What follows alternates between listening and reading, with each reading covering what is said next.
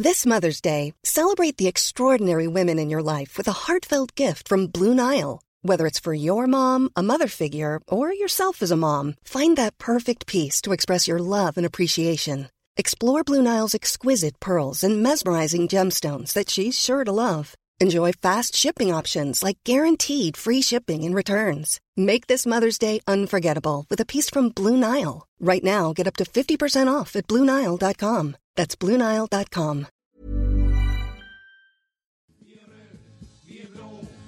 andra laget slå.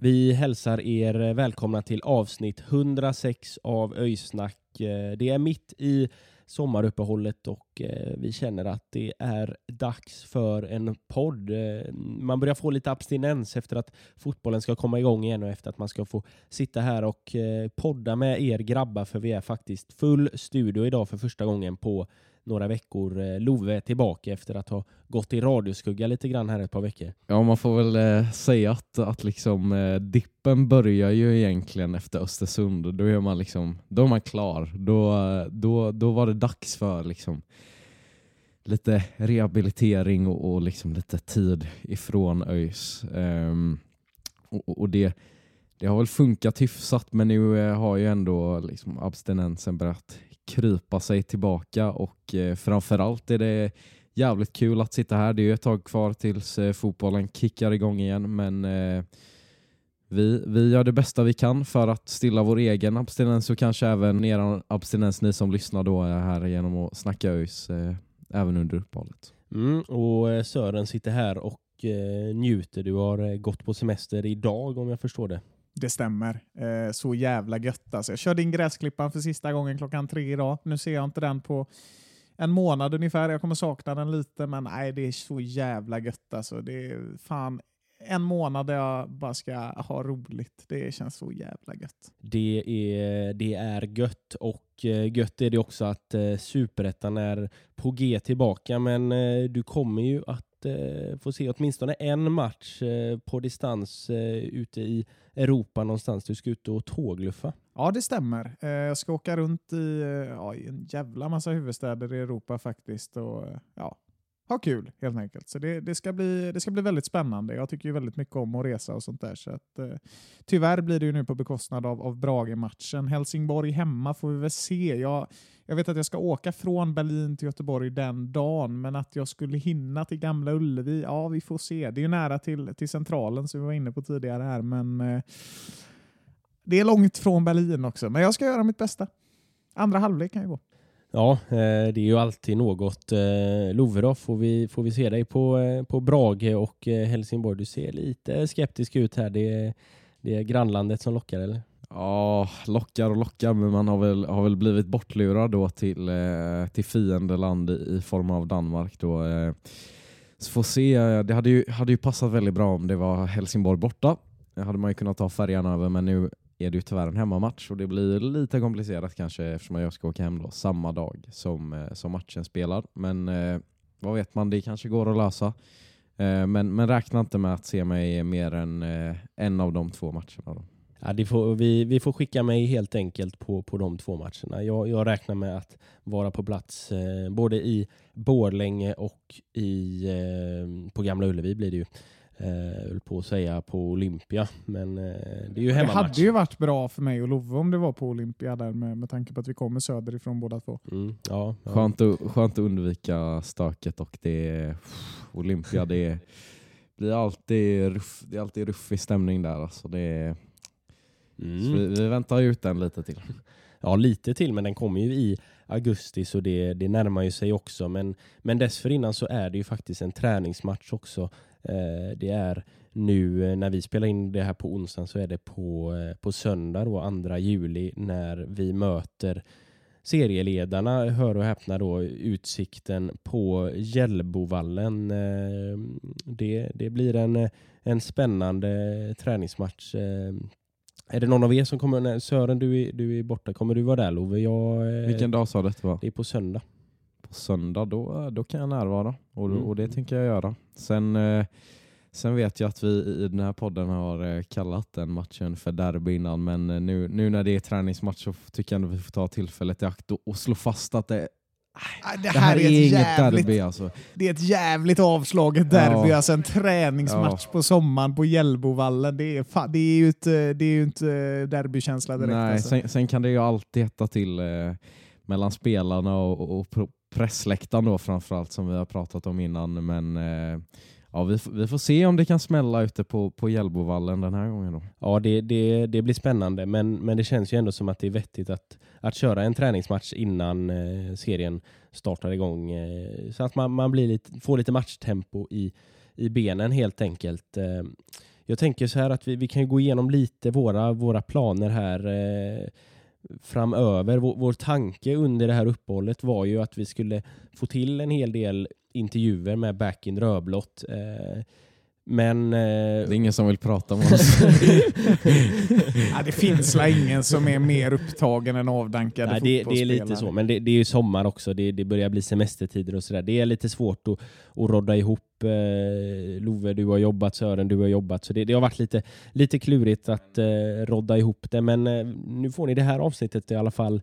Eh, och det, det ska, vi ska försöka få ihop eh, åtminstone ett, kanske två avsnitt till innan, eh, innan serien eh, återstartar då nästa helg mot, eh, borta mot Brage. Då. Sen, sen tycker jag ändå att eh, nu när det kanske inte har kommit så mycket Back in Rödblått avsnitt som vi kanske hade velat så, så kan man ändå lägga in den lilla notisen om att det kommer komma ett riktigt fett avsnitt längre fram som vi har planerat in. Så, så där kan ni få spekulera lite eh, vem det möjligtvis skulle kunna vara som vi ska ta och snacka med. Så är det. Eh, till och med flera avsnitt. Vi har, vi har ju faktiskt fått några på, på kroken, eh, bara att vi inte har lyckats hitta ett datum helt enkelt. Eh, men, eh, men vi har detta avsnittet som kommer nu. Vi har ett avsnitt som är planerat och förhoppningsvis eh, åtminstone ett till innan eh, vi återstartar. Sen blir det ju eventuellt då en matchpodd utan Sören som är på resande fot i, i, ute i Europa eh, under, under Brage där. Så vi, vi får se lite hur, hur vi gör med den, eh, den podden. Love, du är också borta. Så, ja, vi, vi får se lite. Men, men Du får, du får köra ska vi... själv, Marcus. Ja. Du får, Marcus Talkshow. Ja, nej, men nå- någonting ska vi ju, ska vi ju lösa givetvis. Eh, kanske kan eh, bjuda in vår vän eh, Roy Simonsson eller någon sån gubbe som, som kanske vill prata om Brage-matchen med dig. Ja, vi, vi får se. Vi får se. Vi får se vad som, eh, vi ser vad som händer. Eh, så eh, ja, det löser sig på något vänster. Ja, Jag joinar från en slovakisk telefonkiosk eller något i värsta fall så får vi försöka. Får vi be om ursäkt på förhand för de horribla ljudproblem vi kommer ha. Kan vara lite skakig lina därifrån. Något, något. Det, det får vi se. ÖIS är världens bästa gäng, gäng, gäng. Jag tänker så här att eh, i det här avsnittet, det kanske ni redan har listat ut av eh, titeln eller eh, beskrivningen eller något. Eh, men eh, vi kommer att eh, snacka lite grann om det stundande transferfönstret. Ehm, det kommer ju ett åtta veckors, det blir ju åtta veckor i år istället för, det brukar väl vara fyra innan och så tolv på vintern men man har delat upp det nu åtta och åtta för att matcha mer mot det europeiska fönstret. Så det kommer sätta igång här ehm, framöver. Vi, vi har ju inte så mycket transferrykten att snacka om egentligen. Eh, jag var uppe på, eh, på medlemsmötet här, här om veckan och, och då ehm, eh, pratade Andreas eh, Karlsson då eh, lite grann om, eh, om liksom Ja, men, den, den strategin man har inför, inför transferfönstret. Och, och det är helt enkelt att man planerar då eh, att Alltså, nu tog vi in väldigt mycket i, i, i, i vintras så det blir naturligt att det blir lite mindre rotation i det här fönstret. Dessutom sommarfönstret för, för superettan-klubbar när man kanske måste köpa loss spelare istället för att ta dem på free transfer eh, och sådär så, så blir det naturligt lite, lite mindre mm, rotation i, i klubbar som har lite mindre medel ekonomiskt. Men han var ändå inne på att där vi kan agera är då eh, att ersätta eventuellt skadade spelare, eh, ja, täcka upp på positioner där det behövs eh, täckas upp. Eh, men, men han var ju lite inne på att liksom någon, om, om vi ska ha in någon så måste någon ut ungefär. Att det, det är, som han ser på det så är det en ganska bra balans i, eh, i liksom truppen som helhet just nu. Hur, eh, hur ser ni på det? Jo men alltså framförallt sådär känslan när man har varit ute på träningar framförallt. Alltså, det är ju en sak när man kollar på en match och, och då kan man ju alltid tolka liksom, resultat på, på en massa olika sätt. Men när man är på träning så tycker jag det är ganska tydligt att det här är ja, men en, en välbalanserad trupp i den mån att det är liksom en nyttig konkurrens där alla trivs med varandra och, och liksom, det känns inte sådär grupperat kanske utan liksom, ja, det, det känns som att det finns en jävligt schysst gruppdynamik och, och då förstår jag att så här, det är inget man vill gå in och peta i för det kan vara jävligt känsligt och, och, och, och råkar man göra fel move liksom så, så, så kan det ju rubba det fina man har byggt upp. Jo, nej, men jag delar väl din poäng helt och hållet där eh, Love. Och tycker väl egentligen inte det är så mycket som behövs som vi ska titta på liksom nya spelare och sådär. Det känns ju precis som, som ni är inne på båda två där att, och som Andreas också är inne på att det är en bred och bra trupp och det känns som att de flesta funkar med varandra.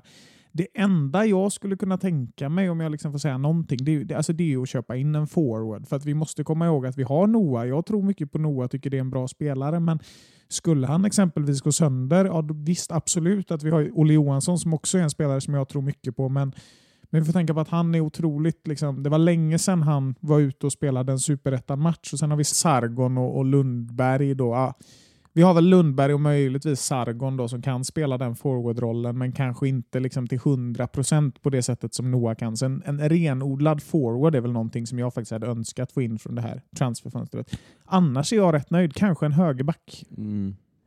Men liksom lite som det du är inne på, spåret där med Noah. Alltså, det här med liksom truppen känns liksom i teorin ganska komplett. Det är bara att det finns spelare där liksom, man ser deras högsta nivå och den har, ha, alltså håller de den, då är den här truppen, alltså man behöver inte röra någonting.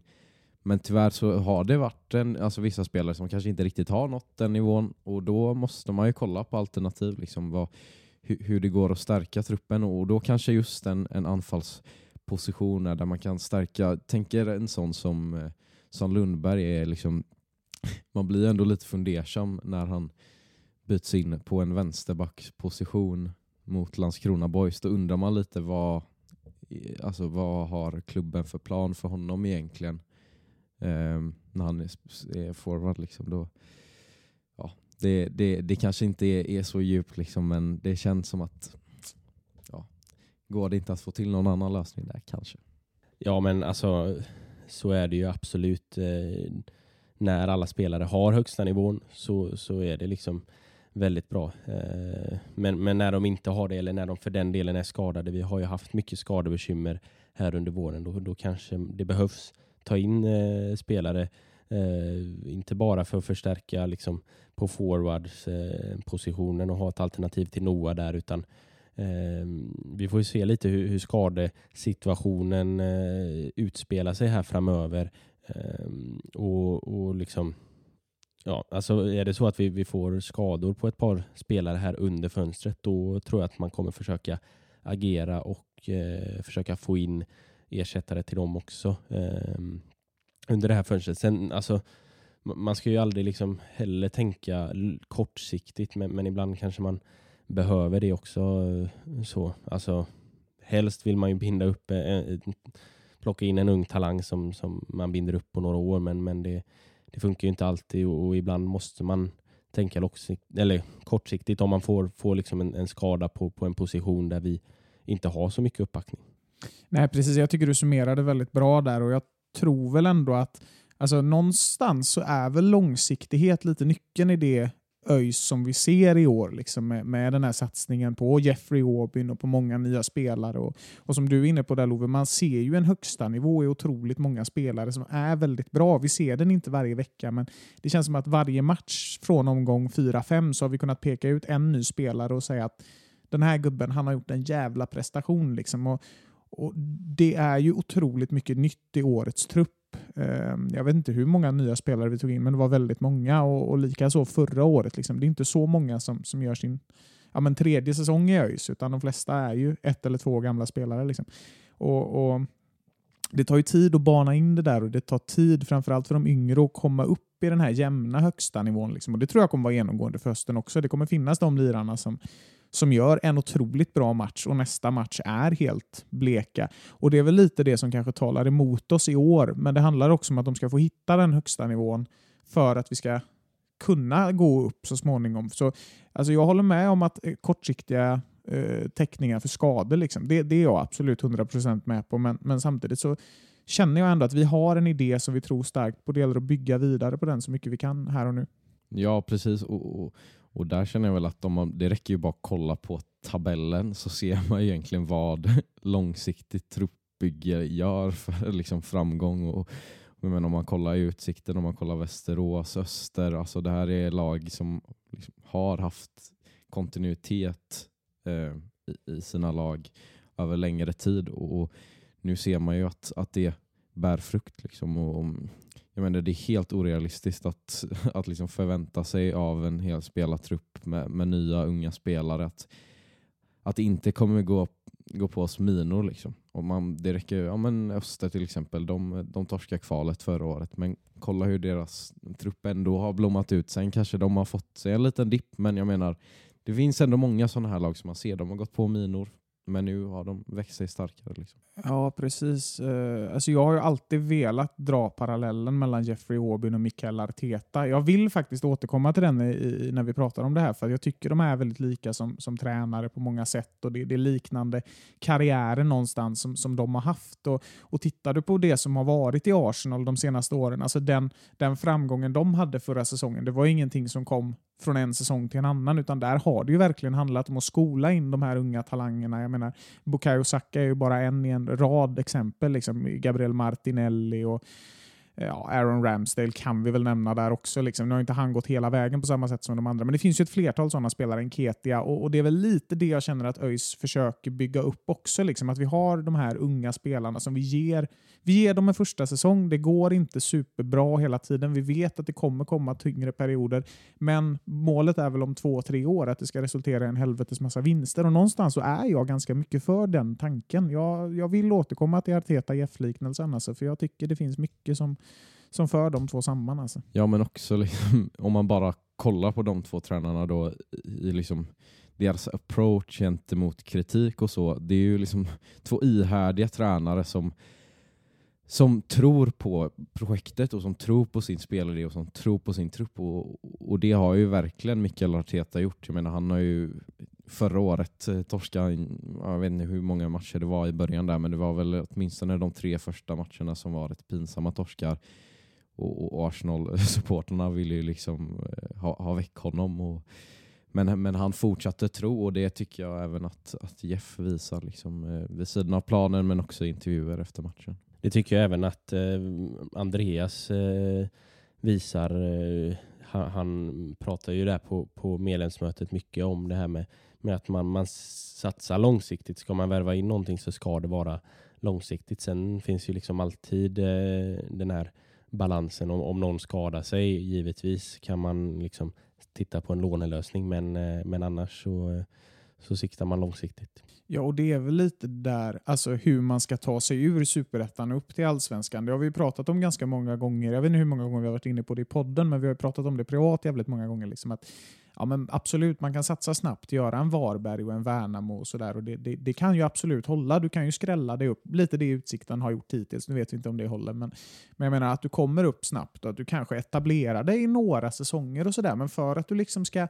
ska hålla dig kvar i allsvenskan, då måste du ju liksom ha något långsiktigt som du tror på. För att jag tror väl att det, det, är realistiskt att nå allsvenskan snabbt. Det är det jag vill. Och det är liksom, jag vill ju inget annat än att vi ska vara där imorgon. Liksom. Men, men jag tror att den satsningen vi gör nu, den är väldigt bra för att det handlar om att kunna etablera sig i Allsvenskan också. För att vara där två, tre säsonger, det är det ganska många som kan göra. Men om du ska vara där i fem år plus, då, då behövs det liksom ett, ett långsiktigare tänk än vad många superettan-föreningar har idag. Och det, det känns som att vi börjar etablera det och det glädjer mig. Sen, sen med det sagt, jag hoppas att vi är i superettan nästa år. Eller jag hoppas att vi är allsvenskan nästa år, men det, det, det är bra att vi ändå bygger något långsiktigt här. Ja, och, och liksom till skillnad från förra året, då, där om man ska kolla övergången i ett sånt läge som vi var förra året, då kanske det är lite mer rimligt då att göra de här kortsiktiga värvningarna, krisvärvningar, sånt som vi ser nu AIK, IFK kommer försöka göra som måste värva sig ur skiten som de har försatt sig själva i. Men nu är inte vi där. Vi kan ha ett helt annat lugn. Um, och, och liksom alla supportrar, ledarstab, alla har liksom förlikat sig någonstans med att en mittenplacering är, är lugn. Liksom. Vi, det handlar inte om placering kanske i år utan om, om att bygga fram starka prestationer och, och liksom en, en stark trupp. Och, och, det, det känns som att vi, vi är på god väg med det. Mm. Jo men absolut. och det ja, det, det, kan ju absolut vara tänket. Sen hoppas jag ändå att man vinner så jävla många matcher man bara kan. Men alltså, det är ju så, alltså man måste komma ihåg förra året så var vi i en sån situation. Alltså vi hade så lite antal poäng. Jag tror inte det var någon annan klubb efter 12 omgångar som hade presterat så dåligt som vi gjorde och ändå höll sig kvar. Det gjorde vi visserligen med nöd och näppe, men jag menar i en sån situation och lite där, där Blåvitt och AIK befinner sig idag också det är ju bara värva utav bara helvete liksom och rodda om. Och det var ju det vi gjorde och det är väl det som har gjort att vi, vi har börjat blicka mer långsiktigt idag. Liksom. Det behövs något nytt än vad som fanns förra året för det funkade inte det, varken spelsystemet eller liksom, ja, men någonting som bedrevs. Det kändes väl som att det var rätt ofungerande allmänt vid den här tiden förra året och det känns ju så mycket bättre nu. Det känns som att vi står på säker och trygg mark på ett helt annat sätt och då då handlar det väl någonstans om att liksom ransaka de misstagen man gjorde och blicka framåt därifrån. Och det är väl lite där ÖIS är precis just nu. Liksom. Vi vet att förra året gick det åt helvete. Hur ska vi göra framöver för att det inte händer igen och för att vi ska bli jävligt mycket bättre? Liksom. Så det är en skön säsong på så sätt, men man vill ju ändå vinna alla matcher. Vad tror vi? Tror vi att eh, Skövde kan ragga till sig några stora namn? Eller nu? De, de är ju i den krissituationen. Alltså jag menar, det är ju nästan så att eh, de kan ju nästan få dit Messi om de vill efter att man har hört talas om de här eh, Sebastian Andersson-ryktena till Varberg så känns det som att vad som helst är möjligt. Så, så vi får se vad, vad Skövde eh, lyckas fixa där. Jag, jag tror väl eh, Skövde har väl eh, varken ekonomiska muskler eller en charmig eh, stad att eh, erbjuda. Liksom. Men, men eh, Helsingborg däremot ska nog värva, kunna värva lite meriterade spelare för, för att eh, hjälpa dem ta sig ur skiten. Nej, men det är ändå det som är charmen med svensk fotboll på något vis. Att, alltså, är du en engelsk storklubb, skulle Chelsea ligga 19 efter 12 omgångar i Premier League, nu är det 38 omgångar där och så vidare, jag vet. Men, men jag menar, då, då hade ju de värvat halva jävla fotbollsvärlden och kommit så här, tia ändå. Liksom. Så funkar det fan inte i svensk fotboll. Där är du 15. Du värvar jävligt många nya spelare. Antingen kommer du 16 eller så kommer du femma. Liksom. Det, alltså, det är en sån jävla lotteriburk, va? så det finns fan inte. Men det, det är trevligt. Är det. ÖIS är världens bästa gäng, gäng, gäng. Ja, och äh, grabbar, jag tänker att alltså, om vi ändå ska fundera lite över potentiella värvningar som kommer så har vi ju alla tre eh, tänkt ut lite eh, några spelare som jag menar, realistiska eh, värvningar på de positionerna som vi kanske vill ha, eh, vill stärka upp lite grann och sådär. Ehm, så jag tänker att vi, vi ska, ska dra våra, våra spelare eh, som, som vi helt enkelt hade kunnat eh, tänka oss eh, få en plats i i eh, ÖIS här under sommaren. Är det, är det liksom någon speciell ordning på det? Rangordnar vi ett, två, tre, liksom vilken vi vill nej, ha det mest? skulle, nej.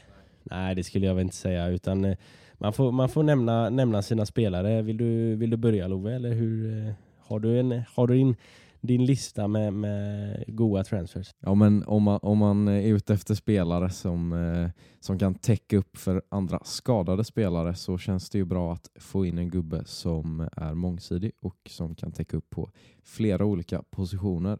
Och eh, då tänker jag lyfta min uh, unge gode herre från eh, uh, AFC Eskilstuna, Leo Leaf, som uh, har ja, men, tycker jag ändå smått briljerat faktiskt i, i AFC.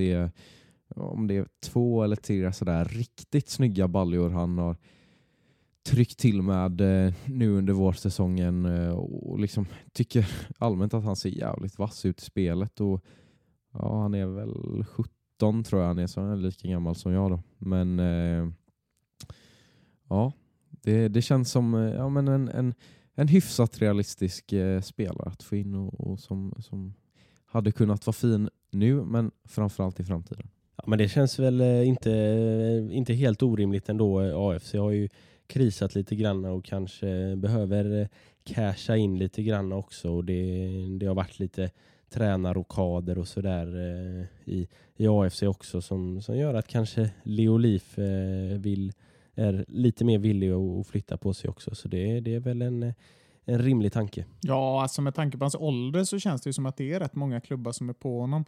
Eh, men det hade varit jävligt spännande. Alltså jag hade ju absolut kunnat eh, ta in den gubben vilken dag som helst. Det, det är en spännande spelare som jag tror kommer göra mer avtryck i svensk fotboll eh, närmsta året faktiskt. Det, det är en sån där gubbe som är Mechelen i Belgien om tre år eller något sånt där efter en succévår. Så nej, spännande Ja, men- absolut. Alltså framförallt också jävla imponerande psyke. Liksom, eh, bara att vara så matchavgörande som han har lyckats vara sådär totalt kylig. Och egentligen är han ju en mittback men när vi mötte honom så spelade han väl mer någon slags som nummer åtta-roll eller om till och med nummer tio. Jag vet inte riktigt men hög. Alltså han kan ju spela högt upp i banan men mittback i grunden. Jag vet att han även kan spela lite ytterback. Så det är, det är en mångsidig spelare. Mm, ja, absolut. Nej, han är jävligt bra. Alltså. Mm.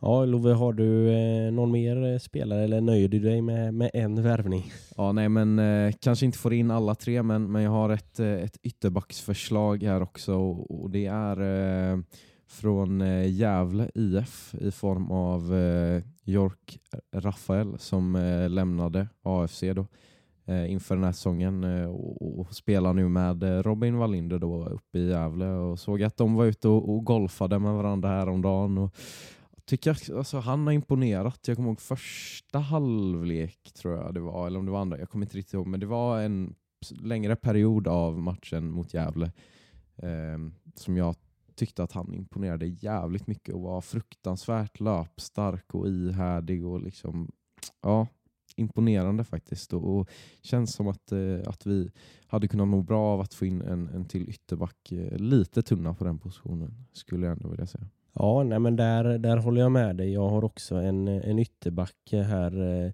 framöver. Eh, kul också att få in en eh, landslagsmeriterad eh, ytterback i York. Eh, Rafael, han har ju en landskamp för Rwandas landslag. Ja, det är häftigt faktiskt.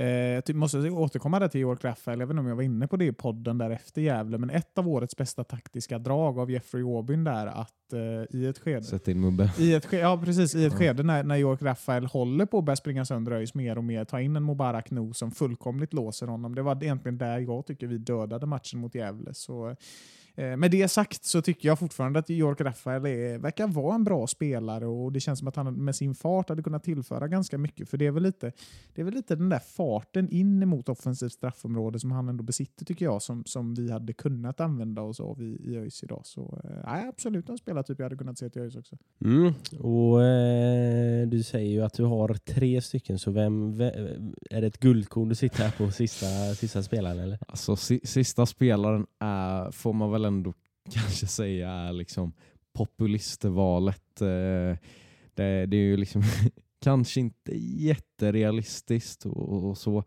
Men, eh, men, men den sista spelaren är, är, är Aydin på ett lån från Värnamo. Eh, ja, vi har ju snackat här om att ja, att ja, men offensiven kanske har lämnat lite att önska efter den här vårsäsongen. Och, och, och liksom med Aydin så får man ju ett x antal mål liksom garanterat. Det, det blir inga fem mål på, på en halv säsong utan du får en eh, åtta upp till tio mål nästan kanske om man har tur. Liksom. Så det, där, eh, det känns som att vi behöver en försäkring om, om poäng och, och där, eh, där tror jag att Aydin eh, inte är helt främmande för att komma tillbaka. Han har ju inte riktigt fått det att lossna i Värnamo och nu ser det väl ut kanske som att han inte är liksom deras första alternativ heller. Nej men, eh, nej men så är det ju. Alltså, på, på en superettanivå så, så är jag ju också säker på att han, han kommer att leverera många mål. Eh, sen har han ju, som du säger, inte fått det att lossna på, på en allsvensk eh, nivå än. Men det är ju också då eh, det är en sån grej som kan göra att det kan vara möjligt att, att låna tillbaka honom. Eh, Och då, är det ju en, då blir det ju en kortsiktig lösning här under, under hösten. Eh, men men det, det är också liksom så här, eh, ta tillbaka gamla spelare som, som har spelat i ÖIS innan, som känner klubben och sådär. Det blir en ganska kort eh, liksom startsträcka för dem. Eh, så det är också någonting som, som talar för då, för Aydin. Ja, det, ja, jag, hade inte, jag hade inte varit besviken om, om vi presenterar Aydin på ett halvårslån här. Känns som att båda parter hade mått jävligt bra av det också. Jag menar eh, Aydin som, som, som du är inne på där Lova, han får inte den eh, speltiden riktigt som han vill ha i Värnamo. inte riktigt spela i den Nej, men det, han har väl känts lite så off i, i Värnamo får man väl ändå, får man väl ändå säga. Liksom. Även om han då verkar ha fått minuter här nu, nu har inte jag följt dem överdrivet mycket i år, så, så, eh, så har han väl inte varit i den rollen helt enkelt. Och, och någonstans så, så alltså, det, det är väl lite en Aydin ÖIS behöver nu och ta tillbaka någon som ändå har spelat med ganska många lirare ändå i, i, i eh, årets trupp. Det känns som att han hade kunnat bli bekväm ganska snabbt och, och, och leverera efter, ja, på väldigt kort tid egentligen. För jag menar, han är ju så otroligt van vid den högsta nivån nu och då känns det väl som att Superettan hade blivit kanske ett snäpp lättare. Liksom. Det är en sak att komma från, från ettan och komma upp en nivå. Jag tror det är en annan sak att komma ner en nivå. Liksom. Så jag, jag tror båda parter hade mått bra av det. Ja, och jag vill, vill jag väldigt gärna lägga till till den här motivationen då att jag ser det verkligen inte som ett misslyckande i liksom första säsongen att Noah inte har fått det att lossna. Jag tror verkligen att han kommer att göra, göra stordåd i ÖIS. Men det måste få ta sin tid och jag hoppas att, att en sån här värvning inte då ska rubba liksom, gruppdynamiken och att han ska känna sig undanskuffad. Men, ja, men alltså Noah, han är ju ja, men 24. Det, det är klart att det inte är jätteungt, men han kommer direkt från division 1. Det är inte konstigt att, att första säsongen inte blir succéartad. Och, och då eh, att få in en Aydin på lån som kan kanske liksom, inte lära upp honom, men som kan, som kan vara där och utmana och konkurrera. Och, och som ändå Noah säkert kan, kan få, få nya, nya lärdomar av. Jag tror inte det kan... Jag tror inte det blir helt fel faktiskt.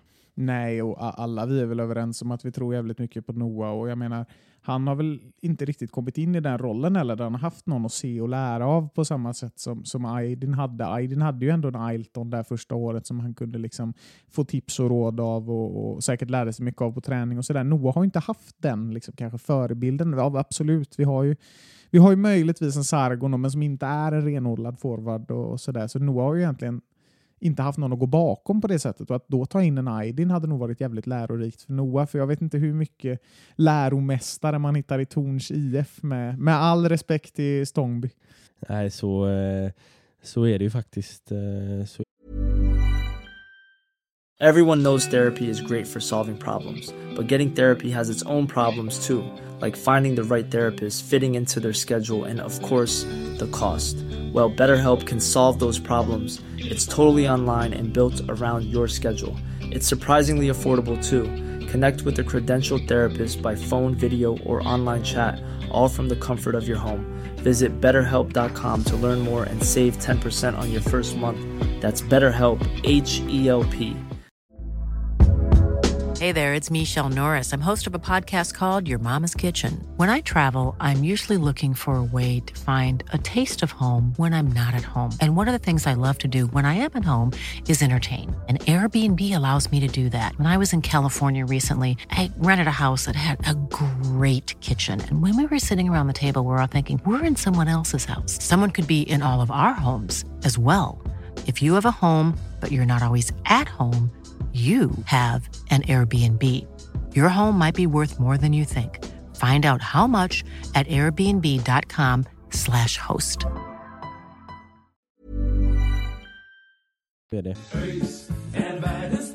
gäng, gäng, gäng. Men Sören, du har också tagit fram eh, spelare. Har du, har du varit i, i Torns IF eller vad har du hämtat ifrån? Eh, inte i Torn, men jag har varit i Trollhättan eh, bland annat.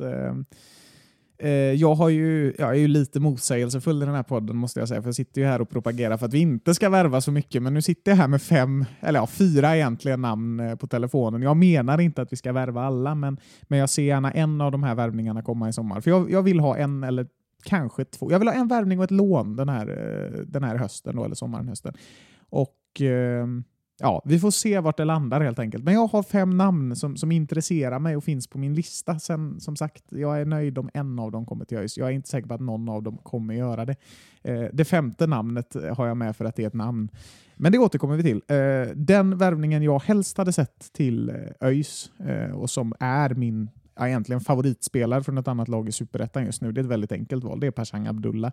Jag tror inte ÖIS kommer värva Pashang Abdullah, men jag vill bara sitta här och hävda att killen, alltså det vi, det vi behöver, det är en spelare som vi vet kan göra det bra på Superettan-nivå. En, eh, en person som liksom har fått, alltså det, det, vi tror Noah kommer bli, liksom, växa in i superettanivå och börja leverera. Pashang Abdullah, vad är han, 28 år. Jönköping har lite halvkrass ekonomi. De kommer inte sälja honom jättedyrt. Jag menar, det är inte en, det är inte en jättevärvning vi landar hos. Jag har svårt att tro att det sitter en allsvensk klubb just nu och, och, och håller på att värva honom. Jag hade kunnat säga Varberg, men det verkar som att Sebastian Andersson är på väg in dit, så att det kanske inte lär hända i så fall.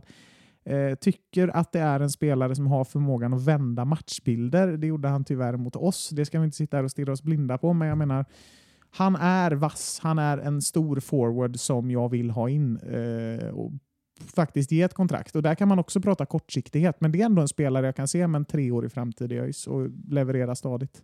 Ja, alltså vi har dratt paralleller här från Jeff till, till Mikael Arteta och, och då skulle väl jag vilja dra parallellen eh, till att eh, Pashang Abdullah, det är superettans eh, Håland. Alltså han, han har den här förmågan att liksom vara på rätt plats vid rätt tillfälle hela tiden, ta smarta löpningar in i boxen, stark på huvudet, också ett, ett jävla bra avslut. Så, ja, det känns som att eh, han är också en sån här mål och poänggaranti bara. Och det här med att vända matchbilder, lite då som Håland också. Men City är okej okay med att inte vara spelförande match, man kan ligga under. Men så boom, så är Håland där och gjort ett mål. Och, ja, lite samma känsla kring Pashan Abdullah. Ja, men det är ju lite så eh, såklart eh, en värvning som, som hade, hade känts bra. Eh, jag ser här också att hans, eh, han har bara kontrakt året ut, vilket gör ju att eh, prislappen eh, går ner också. Så, så det gör ju att ja, det ska väl mycket till Jönköping ligger ju också ganska bra till i ligan här, men det är ju inte, absolut inte en helt orimlig värvning. Nej, man ska komma ihåg det som, som, som vi har varit inne på egentligen hela året, att de har en väldigt svag ekonomi och för dem handlar det inte riktigt om att ta sig upp i år, för dem handlar det om att stabilisera ekonomin. Och, och vi ska också komma ihåg det, jag menar, det Pashang Abdullah och Robin Bok faktiskt har gjort med Jönköping. Jag menar, det var ett lag vi satt och totalt dömde ut innan serien började. Vi var säkra på att de skulle åka ur allihopa. De har inte spelat så bra fotboll. Det finns två faktorer egentligen som gör att de, att de fungerar. Ja, möjligtvis kan vi lägga till Taylor Silverholt också, men jag menar det Pashang och Robin eh, det Pashang och Robin Bok har gjort i Jönköping, det är jävligt imponerande. Så, så ska vi komma ihåg att Pashang har haft en ganska lång och komplicerad resa dit han är idag. Det var liksom inte länge sedan det var division 2 Norrland han var igång och härjade. Liksom. Så, nej, imponerande gubbe alltså. Ja, eh, Sören, vi eh, rullar vidare på din lista här. Eh, nästa transfernamn eh, vem är det.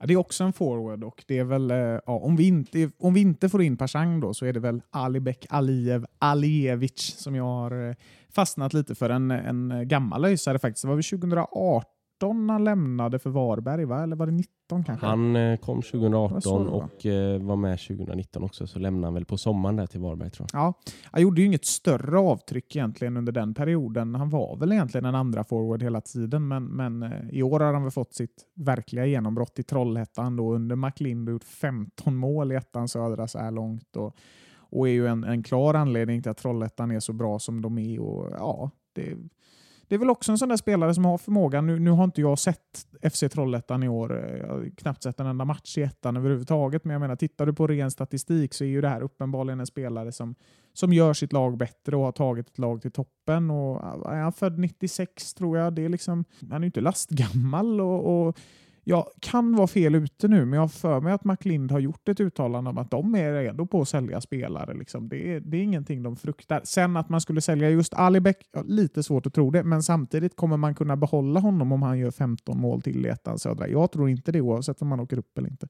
Han har väl sagt framförallt att han är en sån tränare som har en, en så pass nära relation till sina spelare så att han, han vill gärna att de ska gå vidare och ta nya kliv i sin karriär och, och kommer det rätt bud så så vill inte han hålla dem tillbaka så att säga. Men eh, det känns väl en, han, jag tror också han var inne på det i den här intervjun med Sportbladet tror jag, att, att där det är väl inte bara han som bestämmer heller utan det finns väl säkert delade meningar om vilken riktning man ska ta nu om man ska satsa mot superettan eller om man ska sälja, bygga upp liksom en ekonomisk stabilitet för att sen då kanske komma upp och kunna etablera sig för eh, Trollhättan är ju ändå en så pass liten förening så, så de kanske får det svårt att etablera sig eh, i superettan om de inte har någon ekonomi för.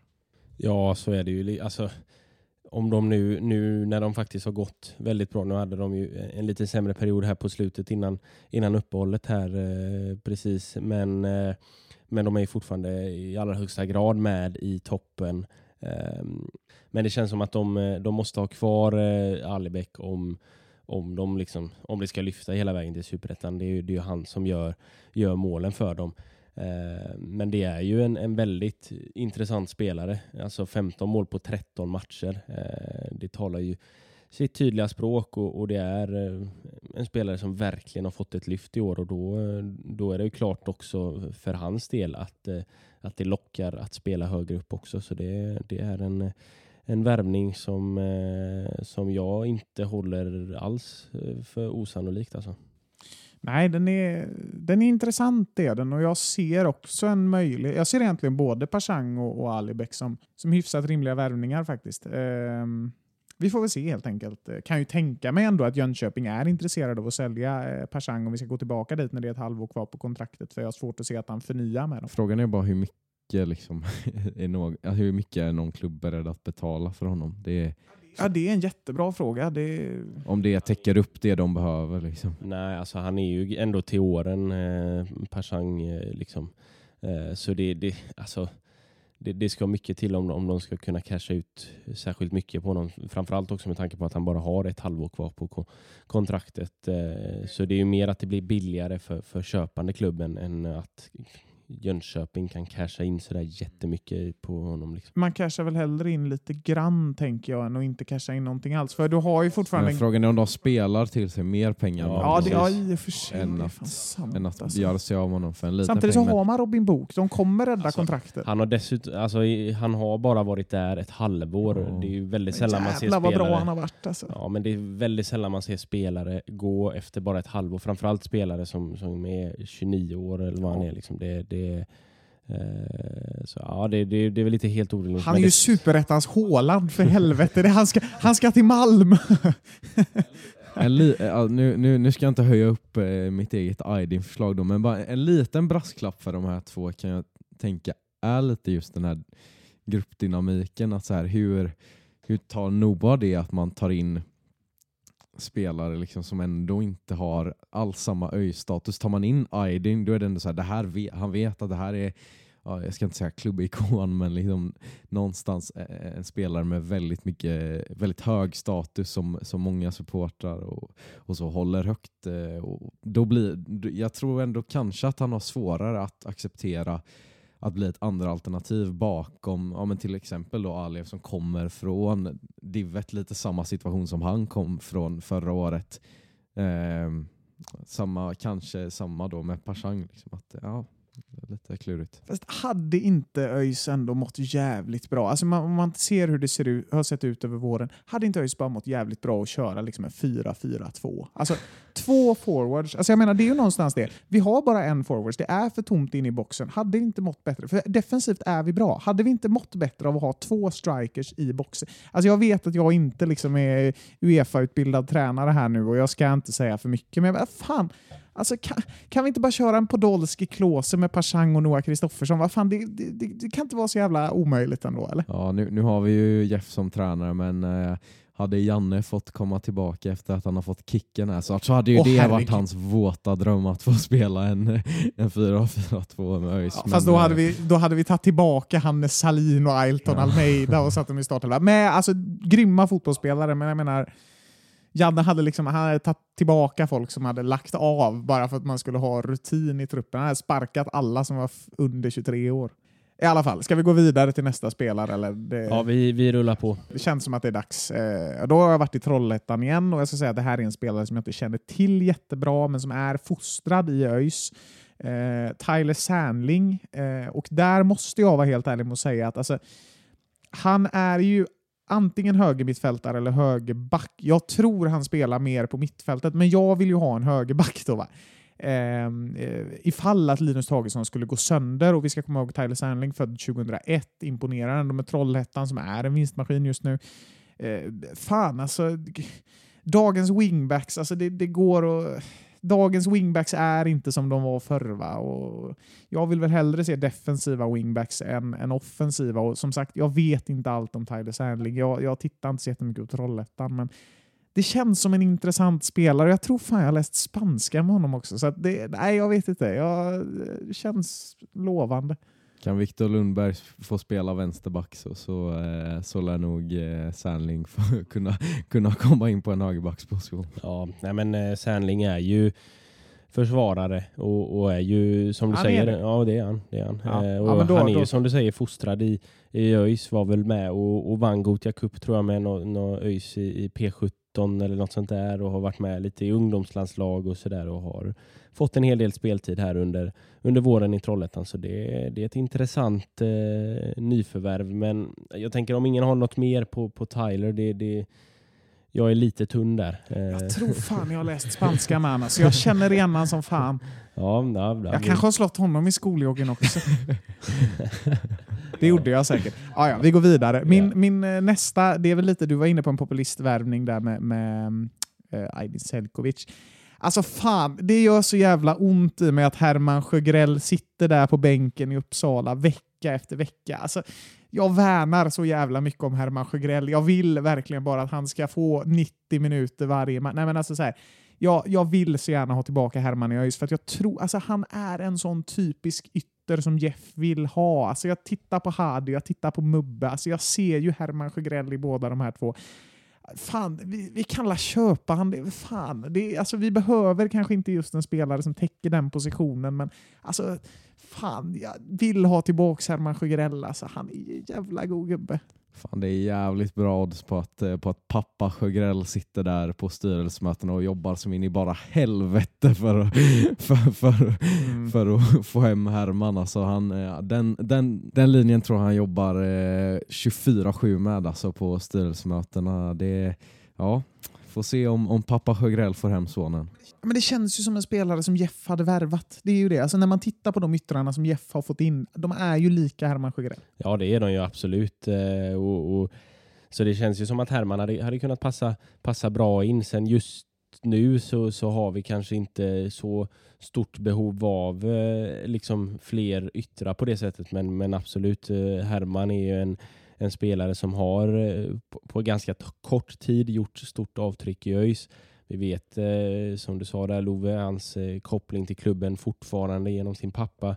Eh, Det enda som jag tänker är att han sitter på ett ganska långt kontrakt. Jag tror han har två och ett halvt år kvar på sitt kontrakt så, så man får nog eh, punga ut en ganska ansenlig summa för, för att eh, få loss honom. Samtidigt så har han ju liksom varit bänkad i Sirius.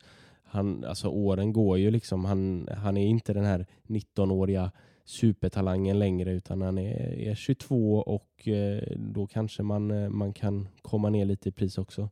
Ja, fan det hyser inga jättevarma känslor för Sirius och, och där kan man ju ändå tycka att fan, är det någon som är intresserad av Herman då, då får de ändå vara lite samarbetsvilliga och, och släppa honom för det känns ju faktiskt smått som att de har förstört, inte förstört än men liksom ändå, ändå satt käppar i hjulen för, för en väldigt lovande talang. Eh, Kanske inte en värvning, kanske eventuellt ett ytterligare lån. Eh, får se. Sen kommer han ju inte direkt få mer speltid nu eh, när, när Sirius helt plötsligt har börjat gå som tåget i, i Allsvenskan. Är det tre raka segrar på dem nu eller? Ja, det är något sånt där. De, de är i, i bra form. Är de. Ja, jag har lämnat bottenstriden där i alla fall för, för tillfället. Får se om de, om de studsar tillbaka ner till botten. Ja, men Sir alltså, och där, där vill jag också säga, snabb kommentar bara om att Sirius är fan en klubb som många borde sträva efter att vara som när det handlar om att etablera sig i allsvenskan. Alltså, för det har de gjort jävligt bra.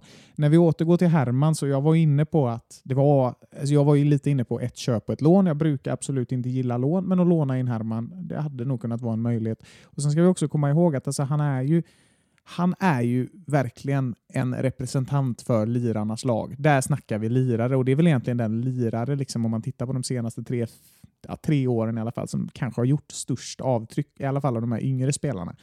Eh, och sen så är det ju det också att från att han kom in förra året, det var väl jag minns jag inte vilken match det var, men jag minns ju väldigt tydligt när han gjorde sin första match. Det var så tydligt att vi blev offensivt starkare när han fick operera där i ett inhopp på, på sin kant. Och vi ska ju komma ihåg det att nu var det inte bara på grund av Herman, men siffrorna vände jävligt mycket när han kom in.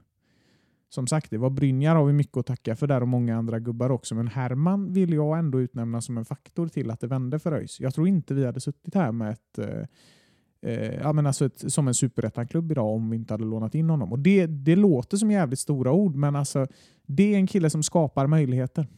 Jag känns lite också som att han, han besitter ändå en del kvaliteter eh, som, som Niklas Bärkroth eh, har. Eh, och liksom en, en Niklas Bärkroth som ofta eh, drar på sig skador nu för tiden eh, så, så känns det inte helt fel att ha en Herman där som, som lite liknande då kan eh, kan vika in och, och slå riktigt eh, farliga inlägg. Eh, han har väl gjort det i år även för Sirius. Han fick några minuter där i någon match och eh, gjorde en riktigt fin assist. Eh, en, en assist som, som det känns som att man känner igen från hans tid i ÖIS. Så eh, ja, en, en, en, en vass jävla spelare har vi här. Man får vi se om, om han kommer tillbaka. Mm. Ja, men en, en vass värvning. Har du eh, någon spelare kvar eller är du, är du klar? Alltså det finns, det finns en kille i, häcken, på Häckens bänk, han är mittback, han är, jag tror han är lika gammal som Lova, han är väl 17 och så här. Jag vet inte så jävla mycket om killen, jag har sett han är ett inhopp mot Värnamo, men han heter fan Sigge Skorpan Jansson. Alltså det är ett, så, det, alltså det, det är ett sånt jävla bra namn. Jag tror din brorsa känner väl honom också, Marcus? Ja, min brorsa känner, eh, känner Sigge där. Så det ja, det. Kan du fråga Pontus om Sigge, vi, äh, skitsamma. Alltså, men, Ja, vi alltså, får fan, agera lite Sigge medlare där Skorpan kanske. Jansson, alltså vilket jä... alltså det är ett sånt jävla namn. Alltså det är, he... alltså, det är fan det bästa namnet alltså, i hela fotbollssverige. Det, alltså, det låter som en riktig jävla 60-talslirare. Alltså. Kenta och Sigge Skorpan Jansson och fy fan alltså. Ja, nej, men det, det är en lirare som, eh, ja, han är ju från min generation, då. Han, är, han är ett år äldre än mig igen, och, och det är en spelare som man har sett eh, sedan många år tillbaka eh, så göra, göra succé på Majvallen till en början men, men sen ta, ta nya kliv och, och han har ju spelat i Häcken nu eh, x antal år, har också lite gemensamma kompisar då med honom. eh, Och Det, det är inte så att Sigge Skorpan har gått på Nordhemskolan också. Det hade ju Nej, det, det, det har han faktiskt inte gjort. eh, Men, men eh, vår gemensamma kompis, eh, han har gått på, på Norden. Har Ja, han gjort. Men eh, ja, nu, eh, han, han fick ett par inhopp där för någon månad sedan. Värnamo spelar och- någon ja, 20 minuter Men, eller eh, men eh, nu så har det blivit lite tunnare med speltid. Jag har hört att han har fått, fått kliva ner och göra lite mer matcher för, för U19 igen. eh, Men han är ju vad jag tror faktiskt är att han är landslagskapten för U19-landslaget. Tror jag att det är. Så det, det är en, en riktigt vass lirare. Så får vi se. Det, det känns ju som att det inte det är inte många lirare som, som vill lämna Nej, nej. Häckens Alltså, projekt just nu och inte- få möjligheten att träna med, med Högmo liksom, och, och all den kvalitet som, som finns att att lära sig av liksom, i, i Häcken. Så eh, vi får se. Men eh, jag är den sista att, att tacka nej eh, till det för det är en riktig talang. Det, det Ja. kan jag säga. Nej, jag tror inte han kommer för fem öre. Liksom. Det är bara det att alltså, det är ett så jävla bra namn. Alltså fan, fan vad man vill heta Sigge Skorpan Jansson. Äh, det är så jävla gött namn. Fan, Alltså. ja, nu, nu, det kanske bara är för att så här, man har en liten koppling till honom, men fan, det, jag tycker nästan att det känns som den vassaste, vassaste värvningen av alla de här. Alltså det, det där är, det där är du något, är så alltså. jävla taggad på det här. Ja Alltså. men det, det Jag tycker vi är ska något coolt när någon liksom, som man har sett spela på Majvallen spelar i Allsvenskan. Liksom. Det, ja, det, det är fan sant. är alltså. lite Kevin-känsla. Ja, det är jävligt gött. Men man måste komma ihåg det att jag tycker det är namnstarka vilka värvningar jag har kommit upp med här eh, när jag sitter och tänker på det nu. Pashang Abdullah, det är ett jävligt bra namn Mm, också. ja, det, det. Alibek Aliyev Alijevic. Det, det, det är eh, bra namn. Jag, jag tänkte på det Love, där med, med, Majvallen. Min brorsa har en liten eh, story där. Han var på Majvallen en gång med en polare och, och lirade, lite, lirade lite fotboll och så kommer en kille i i Elfsborgskläder ner och, och ja, får jag lira lite mer? Så ja, ja visst. Liksom. Och, och sen eh, min brorsa eh, visste inte riktigt vem han var så gick han hem och googlade så var det Jesper Karlsson som, eh, herregud. som nu är, är storstjärna ute i Europa. Så, eh, ja, så han eh, gick ner där på, på Majvallen en eftermiddag och lirade lite boll med brorsan och hans polare. Fan vad, alltså sånt där gillar jag ändå. Alltså. Fan, alltså, fan vad man vill liksom se den här, alltså, de här storstjärnorna ändå gå ner på Majvallen och lira. Alltså, tror ni man skulle kunna arrangera ett VM på Majvallen? Alltså, fy fan vad fint det hade varit. Jag menar, jag, jag var med och anordnade Nordhemskolan versus Santosskolan. Eh, Efter det kan man säga att, att vad som helst är möjligt Alltså, det- på att, att Majvallen. Majvallen står kvar efter det här. Alltså, du vet det roliga är att jag snackade med min kollega om det som, som eh, jobbar på Majvallen. Och de kommer ju fortfarande ihåg det här för att det var sånt jävla kaos. Alltså. Ja, vi, vi ska inte spinna vidare på det här för det här är en riktigt jävla lång historia. Men vi kan, vi kan säga kort så här. Argentina, släng er i väggen för Nordhemskolan Santos. Jag vet fan inte ens Ja, vad ja, Santos ja. är, men helvete! Ja, det är bara bravas, huliganer, kalla det vad ni vill. eh, Alltså på, på Majvallen den dagen, det var, det här var något helt nytt. Eh, Vi, vi, vi gjorde kaos, eh, rent sagt. Det, det, det är det enda vi har att säga. Nu, nu tycker jag vi... Jag Vi lämnar den måste där, bara ställa eh, frågan, innan- stämmer det att ni sköt raketer på varandra? Inga kommentarer. Jävlar alltså, det här... Det här Om det hände så var det Alltså, ingenting jag deltog i. Fatta att ha Nordhemskolan i vilken fotbollsliga som helst. Alltså det är ju fan, det är Sveriges farligaste plats, Nordhemskolan. Alltså. Helt sjukt. Det ser inte bara ut som Hogwarts. Folk är fan tomtar och troll där alltså. Det är helt galet.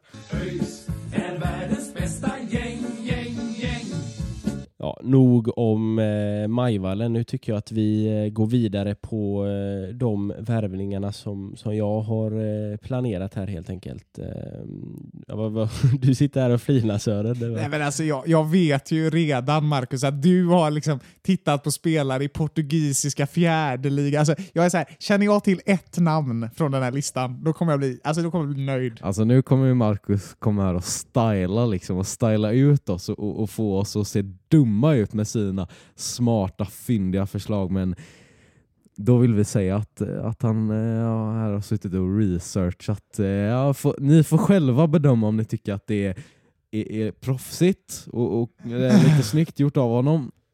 Eller om det är lite, lite töntigt. Lite som, som de här som räckte upp handen på lektionerna och, och alltid skulle lägga Här till har vi Fernando Burro från Ja. Cabriles utanför Barcelona Nej, i spanska sluta, sjätte sluta. divisionen. Han kan springa baklänges jättesnabbt Uppväxt och prata skånska. Ja, nu får du riva av där. Nu börjar Ja. avsnittet bli jävligt långt. Ja, Nu vill jag höra. Nej, men nu, nu river vi av det. Jag, så djupt har jag inte gått, men, men jag har ändå suttit lite grann på Y-scout och, och eh, gjort lite research där. Eh, men jag tänker så här, vi, vi behöver kanske ersättningar på eh, en, en position som Sargon, en position som Aida har någonstans där. Eh, jag funderade ett tag på om vi skulle ersätta vår långtidsskadade målvakt Sixten, men jag tänkte nej, vi har en bra uppbackning där i, i Alex Ram. Eh, men jag har också funderat lite på, på forwards och en eh, ytterbacksposition. Den första jag har valt är, är faktiskt en som du var, var inne på Sören där också, eh, Alibek Aliev. Eh, ja, vi, vi har ju redan avhandlat honom så vi, vi behöver inte snacka mer om honom. Men om vi inte värvar in Alibek Aliev så, så tycker jag att vi kan leta ännu ett hack ner i seriesystemet. Eh, Division 2 Västra Götaland. Så, eh, jag visste att det skulle komma! Jävla Jag visste att det skulle komma! Åh, det här är Alexander Ahl Holmströms svåger Niklas! Nej, men faktum är att han, han är bättre än Alexander Ahl Holmström. Ja, Alexander Ahl Holmström, när vi mötte Onsala herregud. så gjorde Alexander Ahl Holmström en horribel insats och, och med typ 100 nickar över mål. Men den här, må, den här killen gjorde faktiskt mål mot oss. Eh, då han leder skytte skytteligan i, i division 2 här eh, med 18 mål så här långt. David Åh, Berntsson från, eh, från Onsala, så det är en, en, rik- en kille som har verkligen öst in mål så här långt eh, den här säsongen. Kanske vi, vi får dra ner på ett, eh, på ett litet studiebesök i Onsala och, och kolla läget där och se, se om han är något Ja, de är väl rätt bra? Ja, de, de, leder, Ja. de leder serien faktiskt. Eh, Sen är, alltså, det är en liten chansning. Han är 25 år, han har liksom inte bevisat sig på, på någon nivå högre än division 2 och, och det är ju ändå liksom två steg upp. Men, eh, men det är liksom en, en, en potentiell chansning som hade kunnat bli väldigt bra. Hade kunnat bli ett, liksom ett, ett platt fall också, men, eh, men eh, värt en chansning. Bör ju inte kosta sådär jättemycket heller i och med att han är från division 2. Jag tycker, jag tycker ändå det är bra här att du får in liksom en ÖIS-koppling, för jag var verkligen redo på ett namn bara från ingenstans. Liksom. Det, ja, han spelar i division 2, eh, norra Norrland, eh, Bergnäsets AIK typ. Alltså varför känns det som att den klubben faktiskt finns? något- den finns. Den gör det? Ja, ja för fan. Fan vad jag känner igen det. Ja, det var faktiskt ett, ett par gubbar där när vi var uppe i Östersund som vi var uppe och kollade på, på en match som Bergnäsets AIK spelade på Frösöns sport och aktivitetscenter. Så, så där har vi fått in det, men eh, ja, man, man var redo på, på ett namn, eh, ett 10 plus namn, men som man inte har någon koll på överhuvudtaget. Ja, men alltså, jag, jag tänker ändå att det är en sån spelare som hade kunnat vara rätt bra att sätta bakom Noah. Och när vi är inne på gruppdynamiken och sådär som, som, alltså, som ju ändå såklart påverkas av att du värvar in en ny spelare och någon kanske åker ur startelvan och sådär. Det här är ju faktiskt en, en spelare som skulle kunna gå bakom Noah. Sen, ja visst, åldern talar väl lite emot, men samtidigt, vad fan, Gustav Ludvigsson, hur gammal var han när han kom från Sävedalen? Lite yngre kanske, men, men jag menar, Nej, nej. han var inte det? Ja, 24-25. Han var det, ja. Jag menar alltså, fan, det är inte omöjligt liksom. Och jag menar alltså, Onsala, alltså de leder serien, den här killen gör flest mål. Alltså, jag, fan alltså, hur stor är skillnaden mellan division 2 och division 1? Det är klart att den finns, men jag menar alltså, Ja, vi spelar ju Superettan, jo, men jag menar liksom, alltså, om man tänker en Ali Aliyev eller en sån här spelare, det är klart att Ali Bek är bättre, men jag menar, det behöver inte vara så mycket sämre när det är en 25-åring som ingen i division 1 har fått ögonen, upp ögonen för, som är i division 2. Konstigt resonemang, men ni förstår. Ja, och, och liksom, eh, samtidigt är det liksom nu, det är lite sista chansen för honom. Om man ska ta chansen och liksom, eh, bli en proffsspelare så, eh, så är det ju nu eller aldrig lite granna och, och nu har han ju verkligen eh, öppnat fönstret för sig när, när han har gjort 18 mål här på vårsäsongen och, och säkerligen kommer att eh, ja, men, i alla fall ha lite intresse från diverse klubbar. Eh, och I och med att det är division 2 också så, så tror jag att man kan få loss honom för en, en ganska, eh, ganska liten summa. Det är ju liksom det som vi var inne på här tidigare med, med transferfönstret på, på sommaren så blir det lite klurigare i och med att man måste köpa loss eh, spelarna och inte kan ta dem på, på free transfer som man kan göra under, under vintern. Då. Ehm, men vi, vi rullar vidare. Eh, jag vill ha in en ytterback också. Eh, jag har tittat på, på två stycken eh, spelare. Den första är en, en höger ytter, wingback, eh, i Oddevold som ju eh, i, i, efter eh, våren här leder eh, ettan södra. Eh, de har bara släppt in nio mål på 14 matcher eh, och där har den här eh, killen varit eh, eh, högst eh, bidragande. Filip Kalin eh, har varit i, i Oddevold i några år, gjort det bra, eh, varit ordinarie de två, tre senaste säsongerna. Eh, har också spelat på superettan-nivå tidigare med Ljungskile och sådär.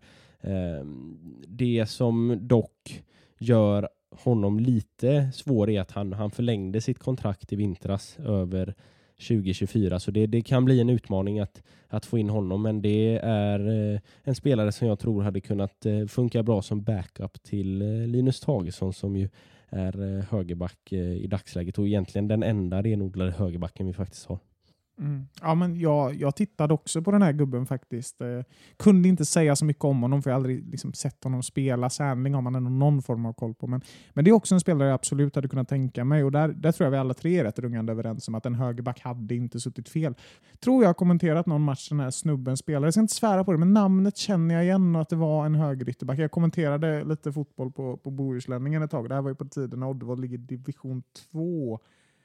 Ja, jag ska låta det vara osagt, men jag känner igen det här namnet alltså. Det, det klingar bekant. Ja, ja, jag känner att, eh, att jag har lite för, för lite koll på den här liraren för, för att säga om, om, om vi kan ta in honom. Men, eh, men det, jag, det jag sitter och tänker på är ju att vi har samlat på oss flera fina studiebesök i, i närliggande kranskommuner. Eh, vi, vi har eh, Onsala till att börja med och, och sen så får vi ta oss lite längre då till Uddevalla och fina, fina Rimnersvallen. Alltså, ja, det, det, det, man vill ju att de ska komma upp till superettan och, och få, få, att, att få åka på en bortamatch på Rimnersvallen. Alltså, vilken jävla dröm. Men nu, jag vet inte om de spelar där nu, men, för, men jag läste något för ett tag sedan om någon slags ersättningsarena eh, som skulle typ, jag vet inte om det var till näst, denna hösten som kommer eller riktigt när det var, men det, jag läste någonting så vi får se, får se när vi får, eller vart vi får se Oddevold spela, om det är Rimnersvallen eller om det är på någon annan arena. Alltså vi snackade om Majvallen som är VM-arena. Rimnersvallen, gammal VM-arena faktiskt. Ska inte svära nu, men jag tror fan Pelé har spelat på Rimnersvallen. Jag tror Pelé kan, jag tror fan Brasilien, Österrike 58 var på Rimnersvallen. Så jag, jag tror Pelé har lirat där, om vi nu ska återkomma till VM-arena. Fin arena hur som helst. Ja, vi går på eh, nästa spelare och det är ifall vi inte kan få in Filip Kalin så har jag tittat eh, lite åt samma håll som vi tittade i våras, nämligen Malmö. Där har vi en, en ytterback i Ellison McCauley. Eh, född 2005, varit i Malmö ganska länge. Eh, blev nyligen uppflyttad till A-laget och sådär och spelat, eh, spelade någon match under, under eh, försäsongen här. Eh, ganska snabb spelare, stark spelare. Eh, har varit högerback i, i ungdomslandslaget, fungerar även som mittback och sådär. Så eh, nej, en, eh, en, eh, ytterligare en högerback som, eh, som vi kan tänkas ta in. Svårt att se dock att Malmö skulle sälja honom, men, så det är väl i så fall en, en lånelösning på, på Ellison McCauley där.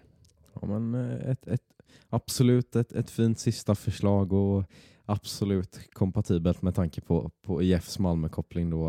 Han kanske har lätt för sig då att komma in i, i vårt spel. Mm, ja, du ska inte tro att det är mitt eh, sista förslag. Jag har faktiskt eh, två namn till. Eh, vi kan börja med eh, ett namn som jag har varit, eh, då har jag varit nere på lite sydligare breddgrader och scoutat. Kan det vara andra ligan i Cypern? Eh, nej, det är faktiskt eh, den spanska tredje ligan och eh, Real Sociedad, eh, vår samarbetsklubb, deras B-lag. Eh, där finns det en... Jag visste att, jag visste att det skulle komma. ja, men, nej, men det finns en, en eh, offensiv mittfältare där i Iker Cortajarena. Eh, som, ja, men han skulle kunna fungera som en, en ersättare till, till Sargon eller Aidarus och sådär. Eh, Eh, det jag har eh, sett eh, av honom är att han, eller av honom, det jag har kunnat läsa mig till om honom är att han, eh, han är född 00, har spelat i, i ehm, Sociedads B-lag de senaste åren, varit ordinarie eh, och, och ska vara en liksom, ja, men offensiv eh, mittfältare som är passningsskicklig och som även kan göra en hel del mål. Han gjorde sex mål den, den gångna säsongen. Så eh, mm, en intressant spelare, vänsterfotad också. Alltså, vi, vi, vi sitter ju här och skrattar åt honom nu, men alltså, grejen är att det här är förmodligen ett jävla fynd. Alltså, jag ska inte sticka under stolen med det, men fan, han kan sin fotboll, det vet vi. Så att, fan, jag menar, vi har ju ett avtal med Real Sociedad. Det enda det har resulterat i hittills är Peru Ruiz. Fan, det är dags för gubbe nummer två nu. Jag är på alltså. Ja men, eh, men så är det. Eh, sen har jag en spelare kvar som eh, väl passar lite in på, på samma kategori som ni har, eh, hade där tidigare med, med, Ailton, eh, med Ailton, med Aydin och med eh, Herman Sjögrell. Eh, lite hemvändare.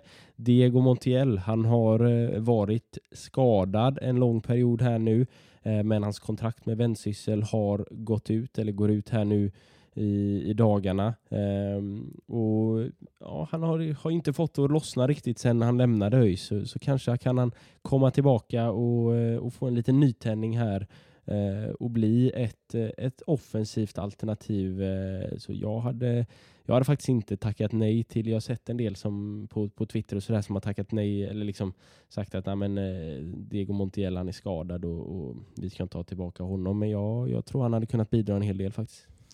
Ja, han hade absolut kunnat bidra, men sen för mig så blir det också mer bara en sån där...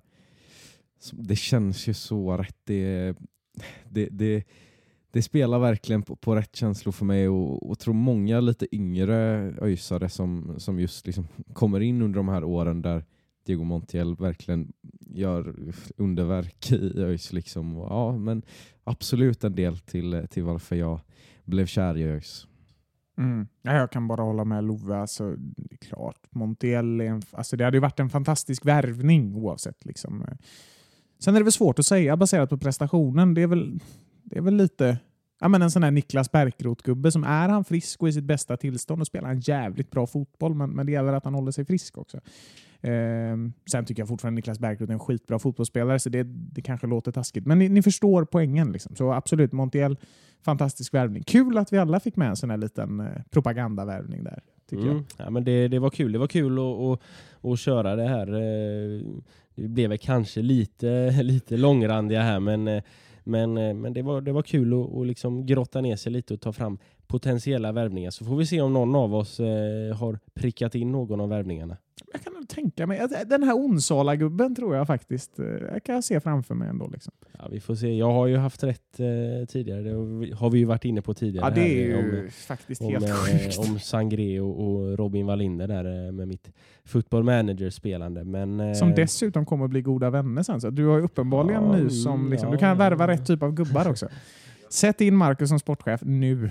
Jag känner också att vi måste bara liksom deklarera det här att ni får ta framförallt mig och Sören här med en nypa salt när vi gör våra slår verkligen på den stora trumman i våra jämförelser. Det har varit eh, Haaland eh, och, och Pashang Abdullah och Jeff och Mikael Arteta och jag sa något jävla dumt om Skövde också. Nej, det, Alltså mycket har man liksom väntat sig av den här podden, men att vi skulle sitta här alltså efter 12 omgångar av Superettan och jämföra Pashang Abdullah med Erling Haaland, det hade jag fan inte väntat mig. Alltså.